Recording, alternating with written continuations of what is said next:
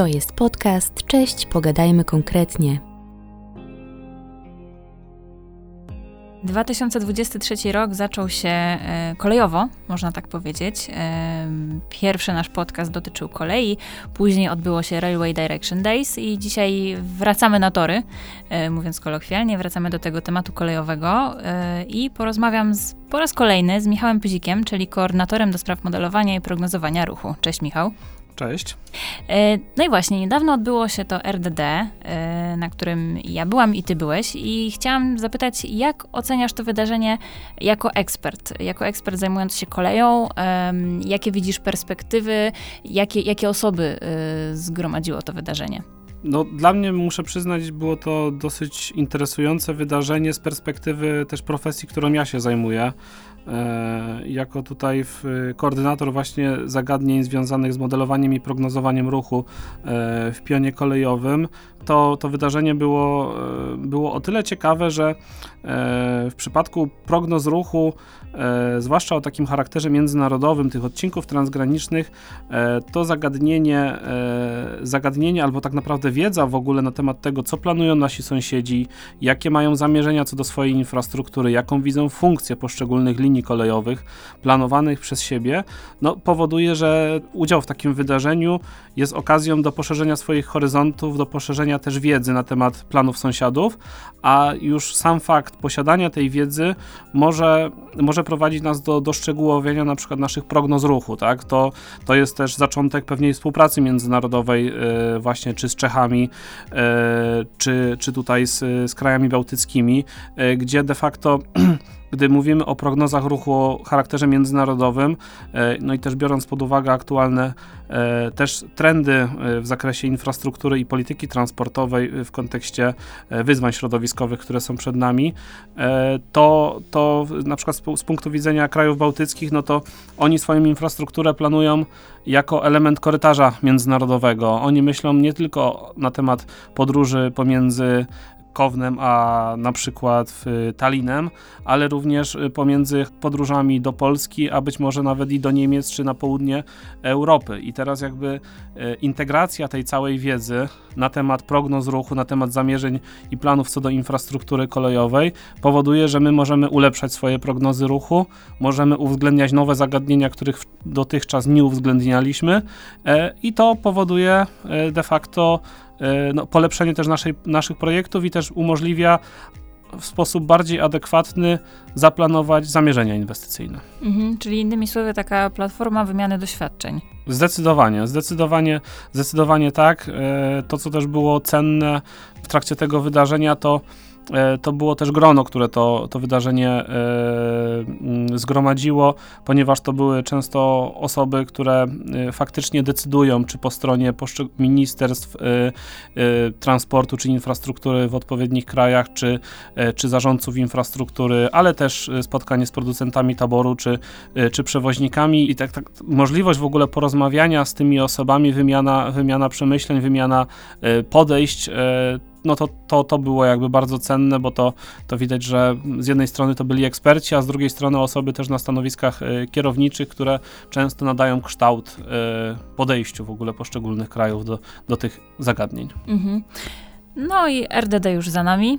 E, czekamy na kolejne tego typu wydarzenia, a PMT dalej się toczy, tak. można tak powiedzieć.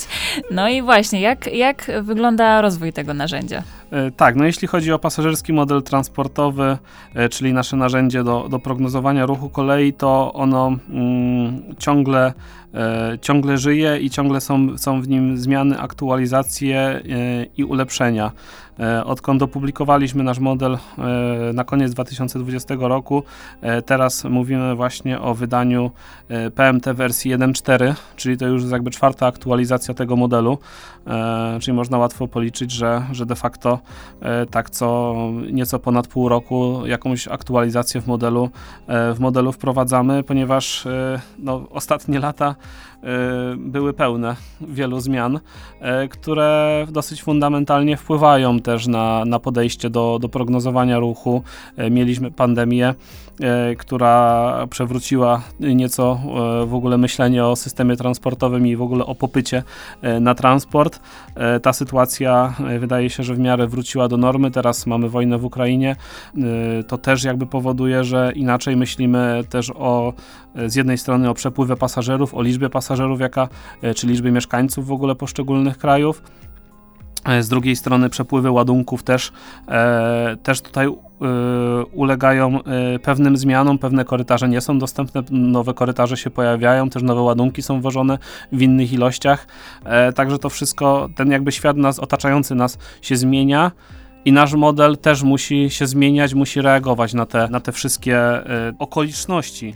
E, no i w związku z tym właśnie mamy pasażerski model transportowy wersję 1.4 który, który uwzględnia kolejne jakby rzeczy, które w, które w ostatnim czasie e, też miały miejsce. No i właśnie też wykorzystywaliście PMT w tych bieżących pracach.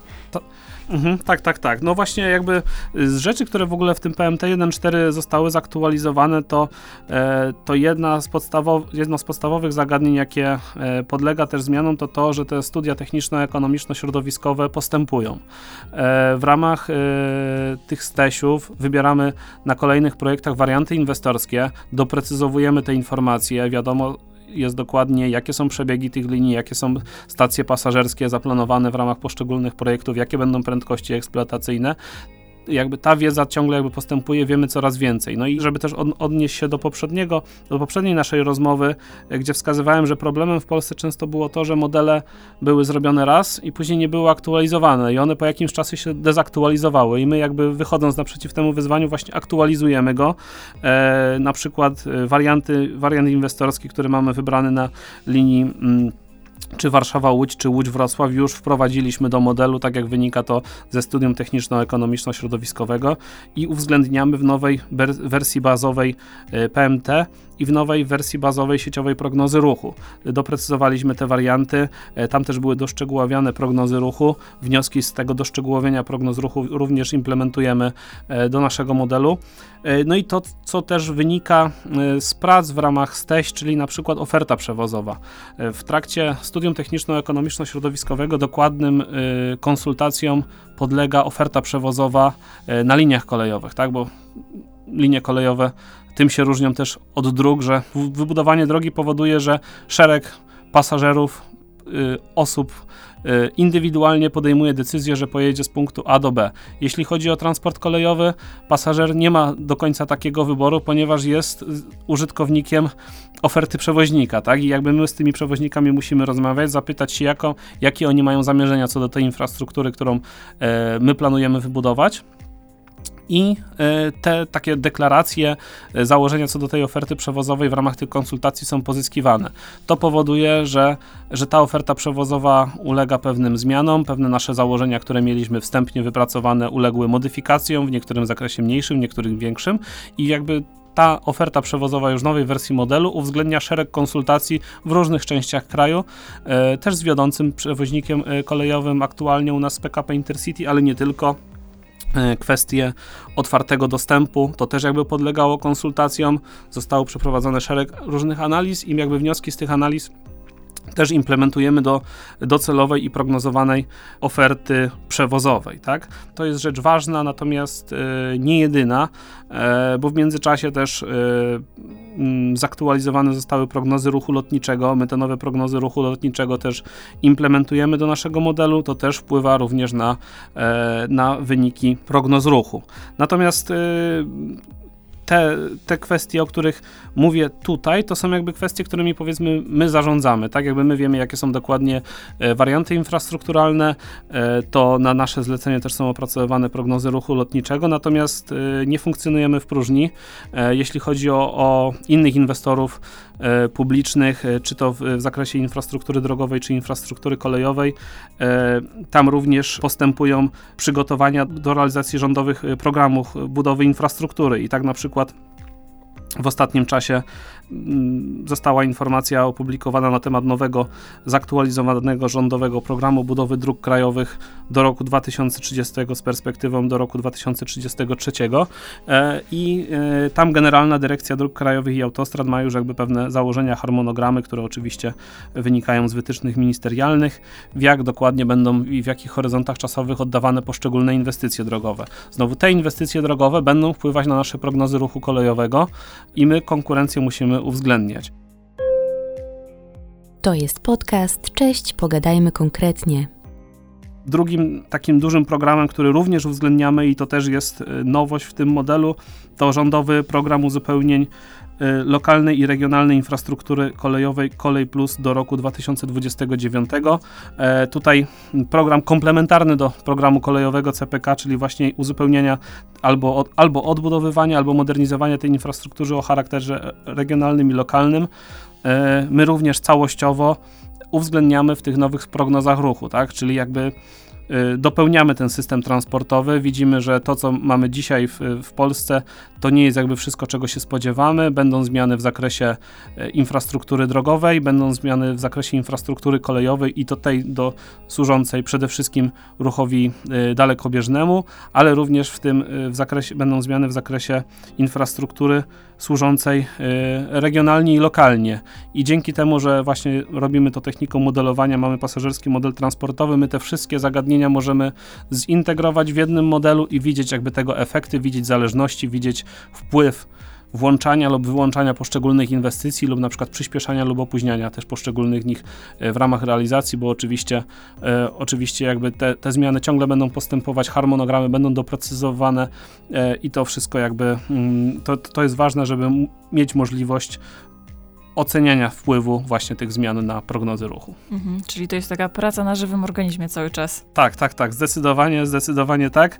Oczywiście pojawiają się też nowe dane, my ciągle jakby ten model ulepszamy. Już w wersji 1.3 E, ale w 1.4 też to doprecyzowaliśmy, na przykład generalny pomiar ruchu wykonywany przez Generalną Dyrekcję Dróg Krajowych i Autostrad również jakby jest wprowadzony do modelu. My sprawdzamy, czy model daje wyniki porównywalne z wynikami GPR. Jeżeli gdzieś na przykład są te rozbieżności, to model jakby dokalibrowujemy, doprecyzowujemy, ulepszamy, żeby zawsze korzystać z najbardziej aktualnych danych i już wiemy, że y, będą jakby kolejne dane, będzie nawet w zeszłym tygodniu byliśmy na spotkaniu w Generalnej Dyrekcji Dróg Krajowych i Autostrad y, na temat generalnego pomiaru ruchu 2025 i już Generalna Dyrekcja się przygotowuje do tego, y, do tego badania bardzo ważnego, y, notabene wykonywanego ciągle od 1965 roku bodaj. Y, i już wiemy, że my musimy być przygotowani na to, że te dane w, w okolicy roku 2025-2026 będzie, wtedy też musimy przygotować kolejną aktualizację aktualizację modelu właśnie i uwzględnić nowe dane. Także jakby to, mhm. jest, to jest praca jakby, która e, jest ciągle i to jest to, co też wspomnieliśmy wcześniej, czyli kwestia tego, żeby model był jakby ciągle aktualny, bo wtedy narzędzie jest y, użytkowalne. To jest praca, która się nie kończy. Z jednej strony tak, z drugiej strony y, to jest właśnie, to, to, też wygląda, w naszej pracy wygląda to też tak, że z jednej strony wydajemy nową wersję modelu i my w momencie wydania wersji modelu wiemy, że już pewne rzeczy na przykład w poszczególnych stesiach jakby y, się doprecyzowują i już będziemy szykować jakby kolejną, kolejną pracę, ale z drugiej strony to, że mieliśmy na przykład na etap projektu Warszawa-Łódź aktualny model na tamten stan, mogliśmy mhm. go wykorzystać, podjąć odpowiednie decyzje, podjąć decyzje często warte setki milionów albo i miliardów, albo dziesiątki miliardów złotych. E, także no jest to ważne, żeby to narzędzie znacznie mniej kosztowne, kosztowne niż budowa e, twardej infrastruktury, czy drogowej, czy kolejowej, żeby jednak móc się wspierać w podejmowaniu tych decyzji, bo ewentualne pomyłki kosztują znacznie, znacznie więcej niż po prostu nawet aktualizacja czy utrzymanie tego modelu. Mhm.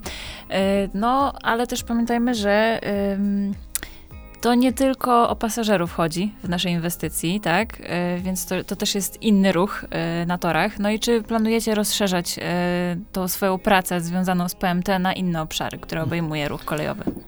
Tak, prowadzimy, prowadzimy pracę wielostopniowo nad kwestią ruchu towarowego. To są jakby też wnioski nasze ze studiów techniczno-ekonomiczno-środowiskowych. Okazało się, że chociaż byliśmy na to przygotowani, ale w trakcie steś utwierdziliśmy się co do tego, że pewne linie kolejowe, na przykład Łódź-Wrocław, mają potencjał również dla ruchu towarowego, w szczególności dla pociągów szybkich, intermodalnych, e, które przewożą e, nierzadko e, produkty wysokowartościowe i ten czas przejazdu też jest dosyć, dosyć ważny w przewozie tych ładunków. Zaktualizowaliśmy kolejowy model towarowy, czyli takie na, narzędzie nieco bardziej uproszczone, ale jednak służące do prognoz ruchu kolejowego, towarowego. Natomiast to jest jakby etap tymczasowy, ponieważ mm, prowadzimy pracę nad budową towarowego modelu transportowego.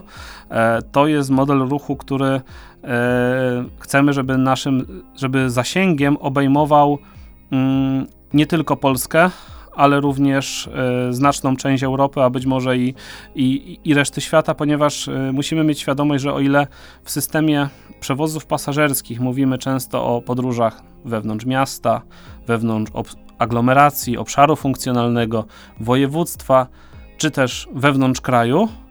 O tyle w przewozach ładunków mówimy często o przewozach na kilka, kilkanaście tysięcy kilometrów, tak?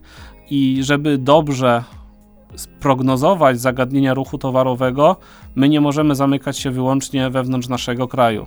Jakby te przewozy ruchu towarowego, ten cały łańcuch przemieszczeń jest tak długi, że my musimy wyjść szerzej, patrzeć szeroko, patrzeć co nie tylko robią nasi sąsiedzi, ale na przykład choćby Chiny, tak, jakby mhm. przy, z punktu widzenia przewozu ładunków i tutaj y, szeroko rozumianego biznesu, przewóz przez y, Polskę na przykład ładunków w relacji Chiny-Niemcy czy Chiny-Francja, to jest y, kilkaset, ewentualnie zbliżających się do tysiąc kilometrów jakby przewóz przez Polskę. Natomiast ten, ten przewóz ma często po kilka lub kilkanaście tysięcy kilometrów i my, żeby spróbować w ogóle dostosować swoją infrastrukturę pod to, żeby na przykład stać się stać się tym krajem tranzytowym, żeby ściągnąć niektóre ładunki e, do naszego kraju czy do polskich portów, musimy patrzeć szeroko, musimy patrzeć, co robi konkurencja, co robią inne kraje, jak wyglądają te łańcuchy przemieszczeń i uwzględnić to właśnie w takim narzędziu do ruchu towarowego.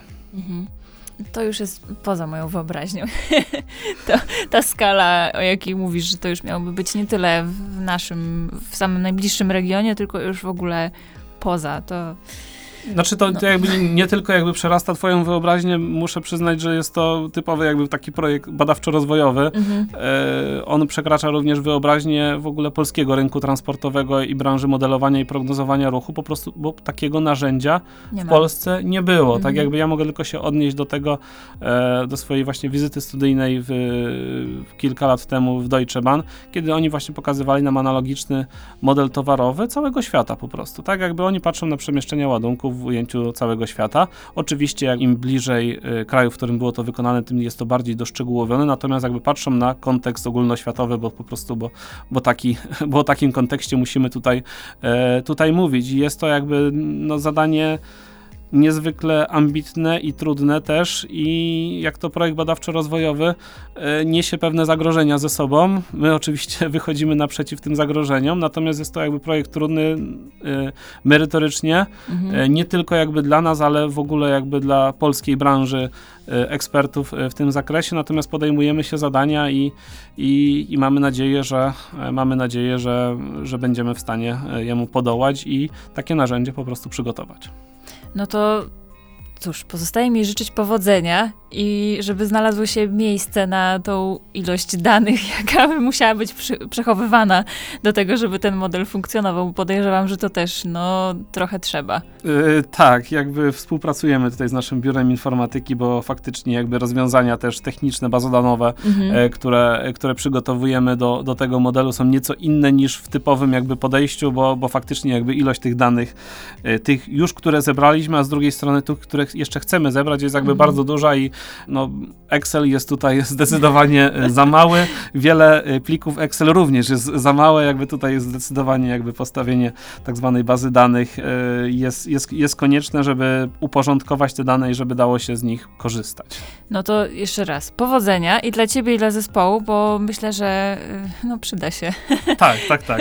Tak, zdecydowanie jakby to, to, to też jakby jest warte podkreślenia, jakby to, co powiedziałaś, że dla zespołu jakby nad, nad tymi projektami jakby pracuje, e, pracuje kilkuosobowy zespół i e, ekspertów e, posiadających doświadczenia w przeróżnych miejscach pracy i to zarówno w Polsce, jak i na, na rynku brytyjskim między innymi, także zdecydowanie jakby tutaj y, dla zespołu również jakby słowa powodzenia bo, y, i wytrwałości, bo, bo zadania jakby nie są łatwe. Trzymajcie się tam mocno. Dziękuję. tak, y, dziękuję ci bardzo i myślę, że usłyszymy się przy kolejnych newsach dotyczących PMT, albo z tobą, albo może z kimś zespołu y, kolejnym razem, y, więc dziękuję bardzo i do usłyszenia. Dziękuję bardzo.